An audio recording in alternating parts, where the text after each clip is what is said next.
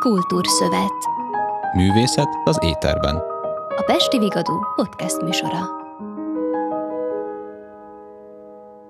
Sziasztok! Ismét jelentkezik a Pesti Vigadó podcast műsora, a Kultúrszövet, mégpedig immáron a második évadunkkal. Én Nagy Márta Zsuzsa vagyok, és Lesti Árpáddal, a Pesti Vigadó kommunikációs vezetőivel együtt ismét rendszeresen várunk benneteket beszélgető társainkkal. A második évadunk témája az utánpótlás helyzete a művészeti szférában. Ennek kapcsán különböző művészeti felsőoktatási intézmények oktatóit, illetve már a pályán lévő vagy épp pályakezdő fiatal művészeket invitálunk meg egy-egy gondolatébresztő eszmecserére az adott művészeti ágak kapcsán. Az első évadunkban úgy vettük észre, hogy folyamatosan voltak olyan témák, amik visszaköszöntek, és ezek közül az egyik legnépszerűbb téma az volt, hogy milyen az utánpótlás helyzete Magyarországon, milyen volt néhány évtizeddel ezelőtt, illetve milyen most, mik azok az intézmények, intézmény struktúra, ami rendelkezésre áll egy fiatalnak, aki részt akar venni az adott művészeti ág életében, és amikor befejezi tanulmányait, milyen lehetőségek állnak rendelkezésre ahhoz, hogy elkezdje ténylegesen a szakmát, a pályát.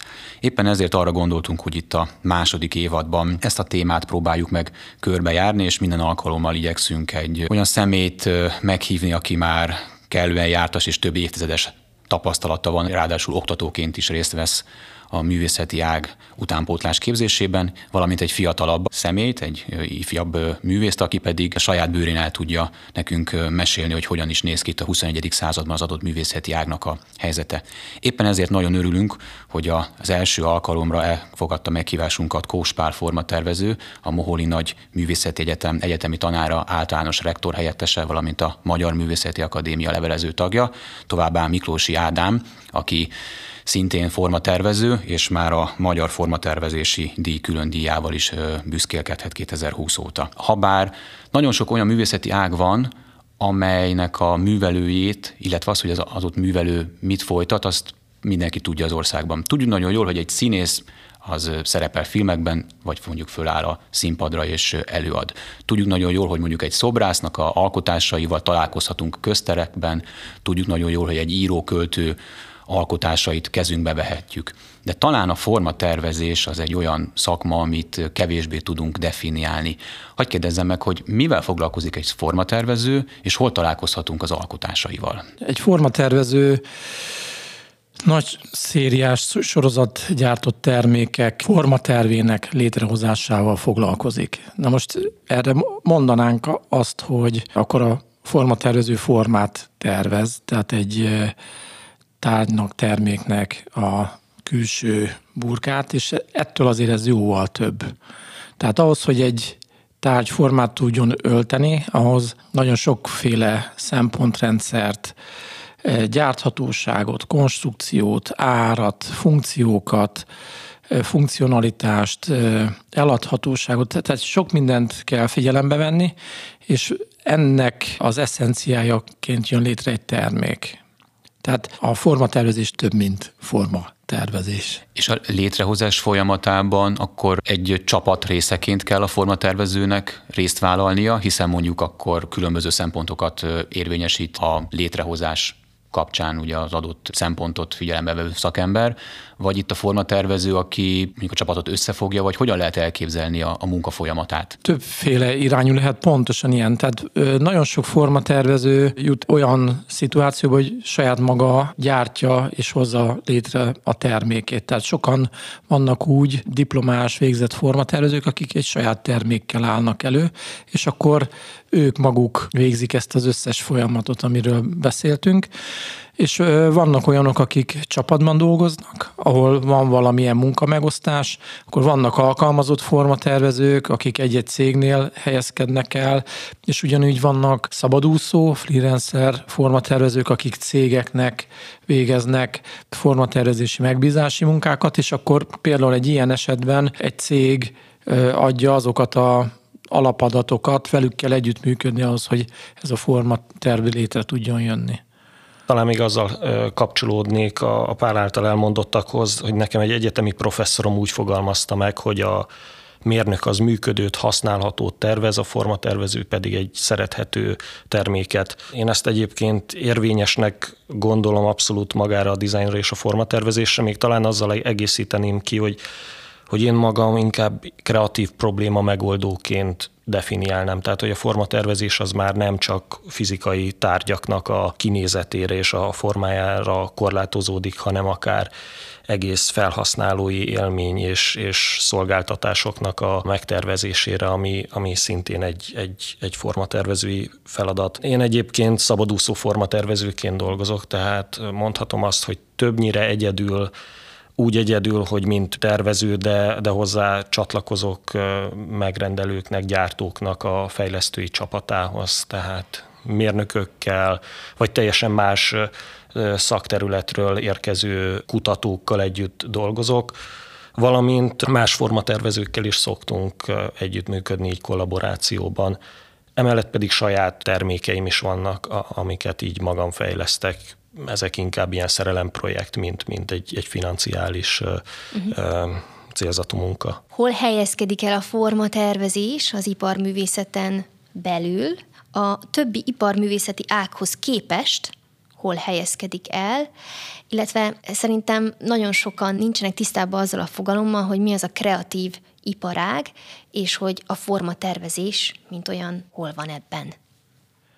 Azt gondolom, hogy a formatervezésnek, mint területnek is a története az úgy alakult, hogy igazából a második világháború után robbant ez be a világban, ipari formatervezés, industrial design, product design néven. Ez mindig is kérdés volt, hogy ez, ez most művészet, vagy nem művészet, és akkor ö, erre több elmélet, több filozófia is van. Van olyan meghatározás, hogy van a tudomány, művészet és a design, tehát hogy a design az egy külön terület ebben. Igazából a, az iparművészet kialakulása az 1800-as évek második felében végén, annak is volt egy ilyen nagyon kézműves, egyedi kiszériás világa, amin túlhaladta a formatervezés, amire én még emlékszem 70-es években, 80-as években a formatervezést hívták ipari formatervezésnek, az ipari elmaradt belőle, az én diplomámban formatervező művész szerepel, tehát én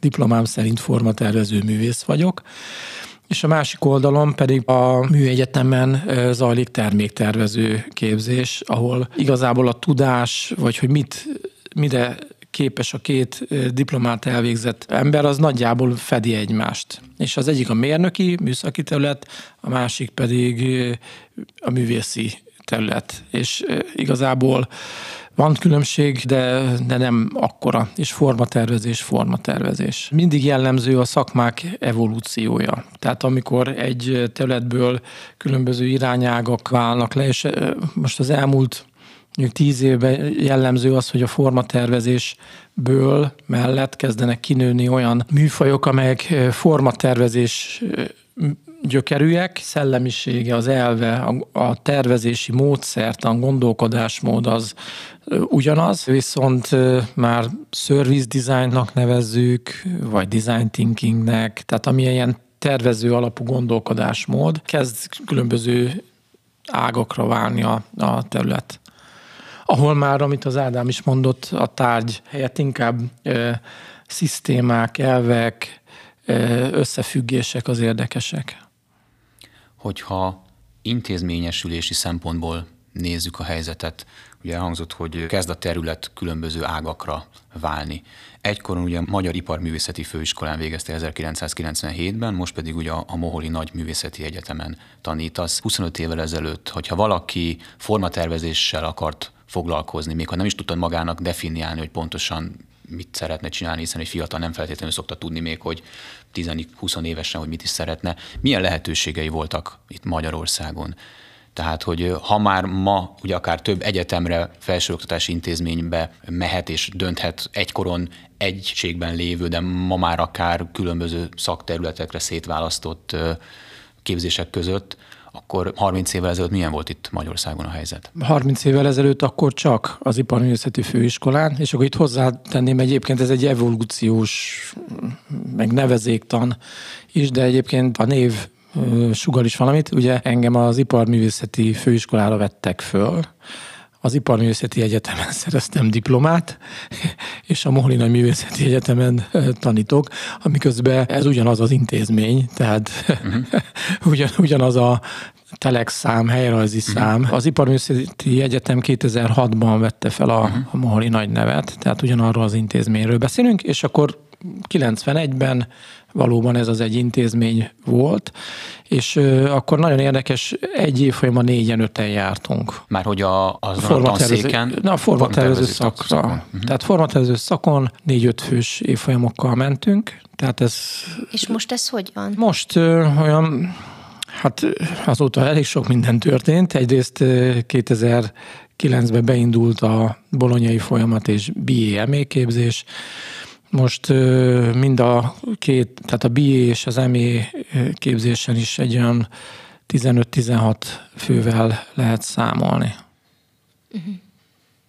Tehát van egy ilyen létszámemelkedés, és akkor kronológiailag, ha jól emlékszem, időrendben a műegyetemen indult a terméktervező képzés, a DFT egyetemnek a mintáját vette át a BME, és akkor utána Sopronba indult a, a formatervező képzés, és onnan tulajdonképpen, hát most ugrok ugye Győrbe, van formatervező művészképzés és terméktervező képzés, ha jól tudom, van Pécsen, Miskolcon, BME mellett, sőt a Sopronban is van terméktervező rész, a formatervező És amikor évente mondjuk négy-öt fő volt, akkor most pedig van mondjuk csak egy intézményben 15-16, és vannak egyéb intézmények is. Hogyha összehasonlítom a két korszakot, hogy kell elképzelni, hogyha valaki megszerezte a diplomáját, mint formatervező, milyen lehetőségek álltak előtte? Feltételezem, hogyha négy-öt fő van egy szakon, akkor a mester-tanítvány kapcsolat az sokkal erősebb tud lenni, mint hogyha 15-16 fő van egy szakon, hiszen a mesternek egyszerűen több az ideje per fő, tehát közelebbi kapcsolatba tud lépni. De ez valóban így volt-e, és mit tudott csinálni az adott személy, hogyha megvolt a diplomája? Valóban így volt, tehát ilyen mester-tanítvány kapcsolat volt annak idején az, az iparművészeti főiskolán, tehát ez volt a, a minta, amin egyébként már én időmben is jelentős változás volt, tehát az egy év folyam egy mesterről áttértünk arra, hogy feladatonként más-más tanárral találkoztunk, tehát ez az egy személyhez kötődés feloldódott, ez már a jelenlegi formatervező képzésben nem jellemző, tehát nagy pörgés van, rengeteg emberrel, tanárral találkoznak a diákok.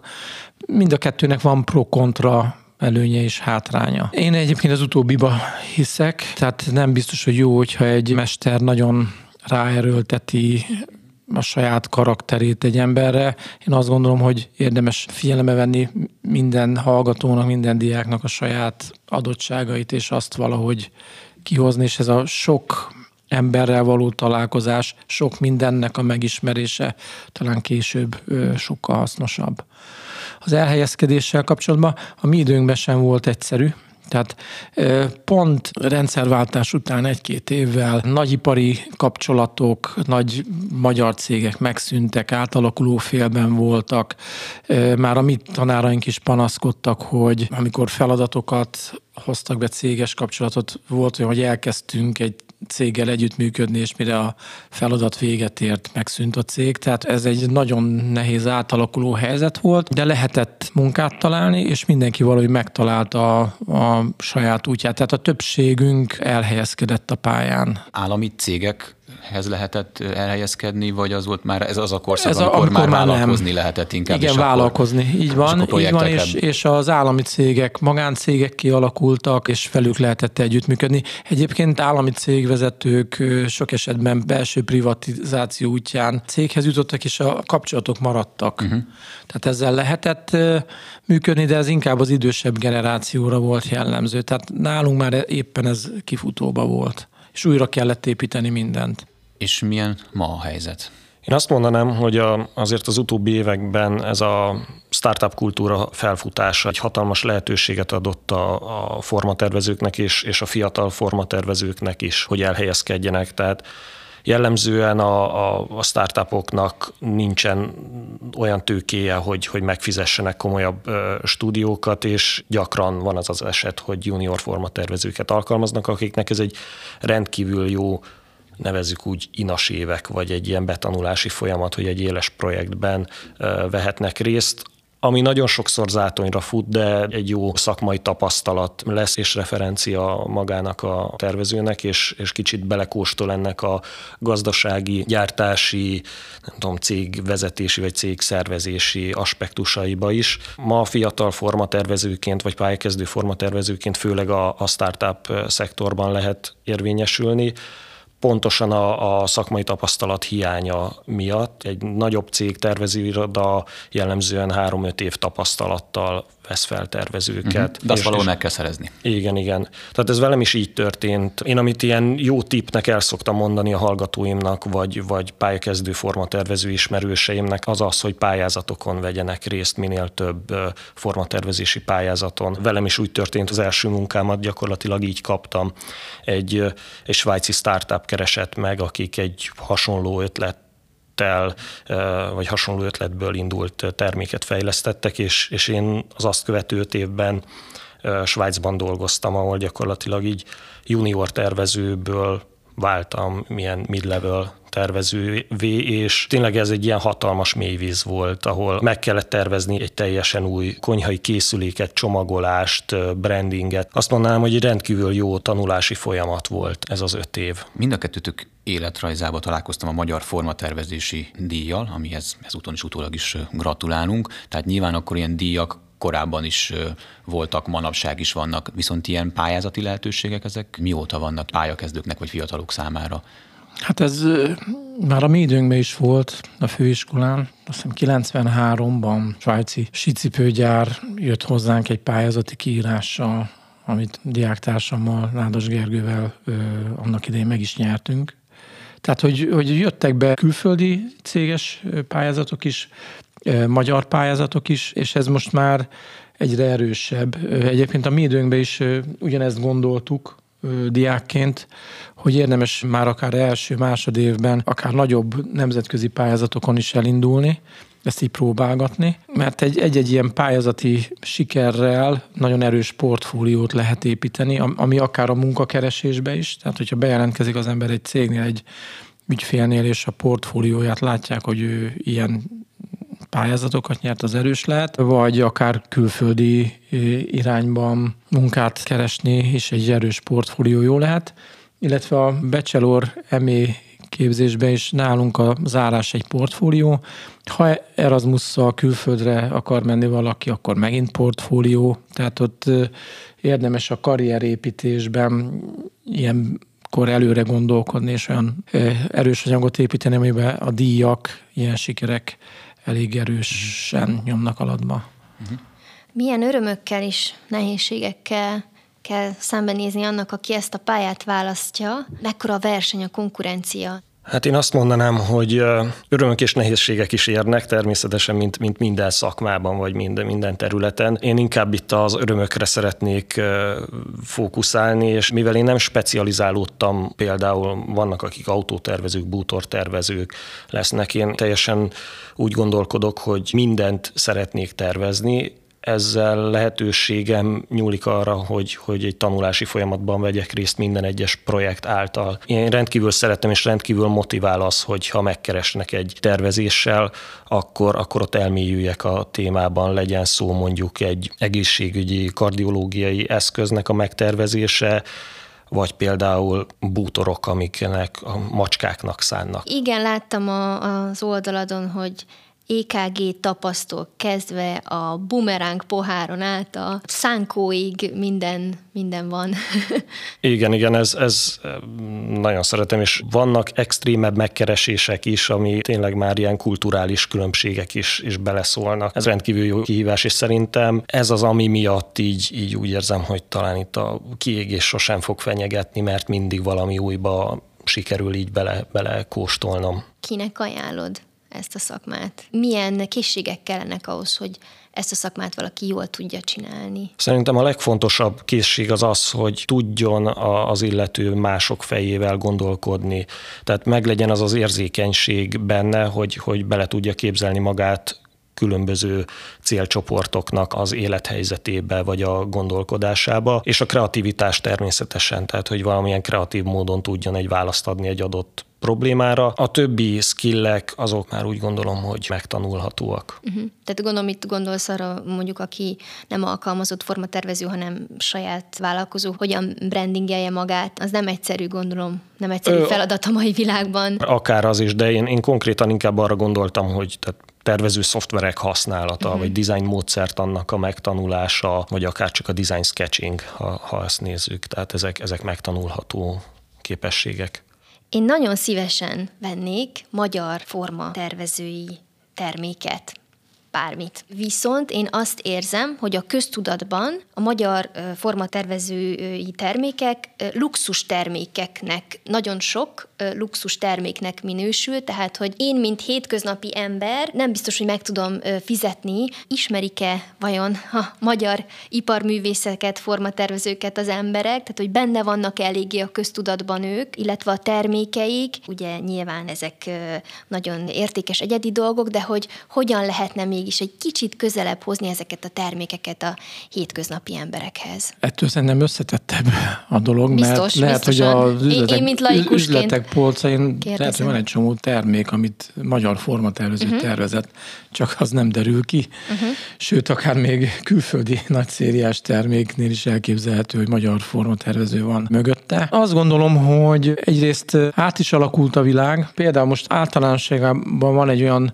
trend, hogy mondjuk egy ilyen 6-8-10 évvel ezelőtt rengeteget hallottunk sztár designerekről, és a csapból is ők folytak. Most valahogy ez, ez már úgy nem divat, inkább divat a csapatmunka, közösségben, csapatban való gondolkodás, az eredménycentrikusság, tehát hogy az individualizmus, mint hogyha egy kicsit háttérbe szorulna itt a design világába. A másik meg, amit mondtál, ez a drágább, kis termékek, ez bizonyos műfajra igaz egyedi kis szériás az valóban mindig drágább, de ez szerintem akár magyar, akár külföldi ez, ez jellemző. A nagy szériás dolgoknál meg ott, ahol az árérzékenység nagyon fontos, ott, ott előfordul, sőt jellemző.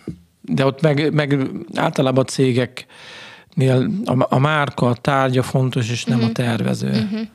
Ádám, neked mi a véleményed erről? Én, én jellemzően tömeggyártott termékeket tervezek, tehát uh-huh. nagy szériában ö, gyártott termékeket. Nekem nincs így tapasztalatom a craft iparművészeti vonalon mozgó uh-huh. formatervezőkkel, tehát akik például a, a hazai, a, a Vampon vagy a Makers Marketen árulják a kis szériában előállított termékeiket. De alapvetően ezeknek a típusú termékeknek vegyük azt például a, a, a divatot vagy, vagy a kerámiát. Ez külföldön is mindig egy, egy ilyen magasabb árkategóriába tartozó termék, amiatt, mert aki megvásárolja ezeket, ő a tervező miatt is vásárolja, tehát ő ezt szereti az otthonában, hogy tudja, hogy ennek, ennek ki, ki a tervezője, és kialakul egy ilyen emocionális kapocs, hogy netán ismeri is magát a tervezőt. Szemben egy tömeggyártott termékkel, ahol maga a tervezőnek a, a neve kevésbé fontos.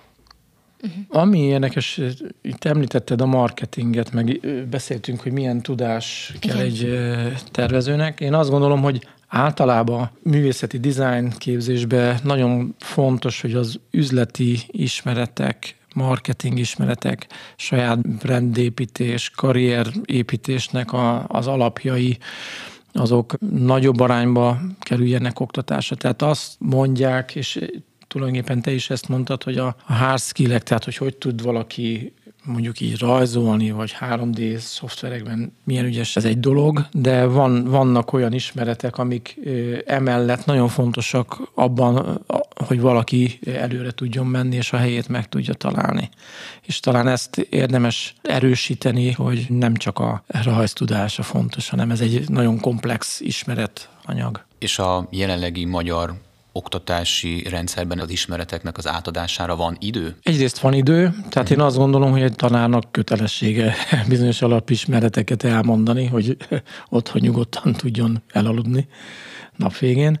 A másik meg én azt látom, hogy nem csak nálunk a momén, hanem máshol is egy olyan komplex oktatási rendszer alakul ki, ahol ezt egy szépen összedolgozott rendszerbe át tudjuk adni. A másik, amit én látok, így 20 év tanítás után, hogy a mai fiatalok, tehát a friss érettségivel bekerülők, és egyébként az is jellemző, hogy a mi időnkben 90-es évek elején azért több év előkészülettel lehetett bekerülni, most jellemzően érettségi után egy évvel, két évvel be lehet kerülni nagyon fiatalon és egy 18-19 éves fiatal egyetemistának a összpontosító képessége, a figyelme, ismeretszerzés, ez teljesen más típusú. Amit én gondolok, hogy ez a mondjuk így, hogy projekt alapúság, tehát amikor egy projektre felfűzve, hogy én a végén egy eredményt érjek el, de az egy eredmény elérése közben 30 féle különböző típusú információt tudok beépíteni, az működik mint a 30-at külön-külön, és az még akár még az időbe is belefér. Mhm. Szintén ezt tapasztaltad, hogy kérdezzem meg így. Igen, én másfél évet tanítok egyébként a, a Széchenyi Egyetemnek a Design Campusán, ami egy talán a, most a legfiatalabb Igen.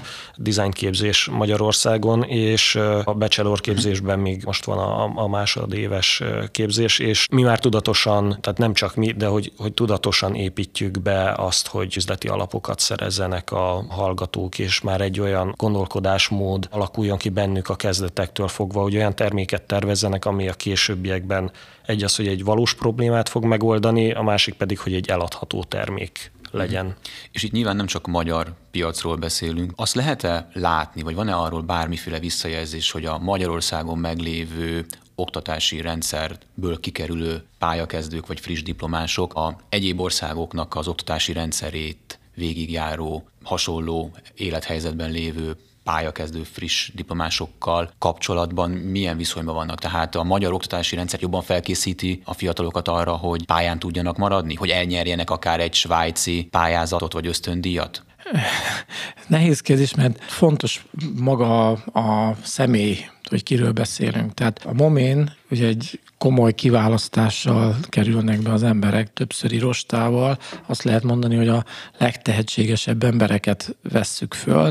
Ezek a tehetségesebb emberek meg valószínűleg predestinálva vannak arra, hogy sikeresek legyenek akár itthon, akár külföldön. Tehát rengeteg-rengeteg nemzetközi sikerre jutó diákunk van, és őket látjuk. Alapvetően én azt gondolom, hogy amiben talán a mi, mi képzésünk jobb, ez a klasszikus, tradicionális tervezői skillek, amiről beszéltünk, tehát ez a rajztudás, modellezőkészség, tárgyak létrehozásának készség, ez kezd unikummá válni a világban. És van egy olyan igényesség, maximalizmus, ami jellemző a diákjainkra, ahol viszont nehezebb, de ez megint személyisége válogatja. Általában azt lehet mondani, hogy a magyar diákok önbizalom hiányával jelentős probléma van. Tehát kicsit több önbizalommal sokkal többre vihetnék, és ez kérdés is, egy, egy nagy kérdés, hogy egy egyetem, egy felsőoktatási intézmény ebbe az önbizalom megteremtésben mennyit tud segíteni? Azt gondolom, hogy sokat. Hát ugye nagy kérdés hogy magába véve az, hogy ez egyetemi szinten orvosolható, felépíthető, vagy ez inkább már egy kulturális beágyazottságnak a kérdése, hát, és itt is, nem, a, nem arról beszélünk, hogy a magyar formatervezők, hanem nem. hogy a magyar diákok, vagy a magyar vagy a magyar nemzet, igen. Azt kívánjuk, hogy minél több tehetséges magyar formatervező kerüljön ki a, a magyar felsőoktatási intézményekből, és hogy minél több önbizalommal rendelkezzenek, és minél jobb és hasznosabb termékeket gyártsanak nekünk. Köszönjük szépen a mai vendégeinknek, Kós Pálnak és Miklós Ádámnak, hogy itt voltak velünk, és a hallgatóknak is, hogy minket választottatok. Következő alkalommal egy másik művészeti ág utánpótlásának helyzetét fogjuk körbejárni beszélgető társainkkal. Addig is nézzetek szét a Pesti Vigadó honlapján, és keresetek minket a Pesti Vigadó Facebook és Instagram oldalain is. A podcast adásokat a www.vigadó.hu per podcast oldalon, valamint a Pesti Vigadó YouTube csatornáján is újra hallgathatjátok. Ez volt a Kultúrszövet, a Pesti Vigadó stúdiójából Lesti Árpádot és Nagy Márta Zsuzsát hallottátok. Köszönjük a figyelmet, sziasztok!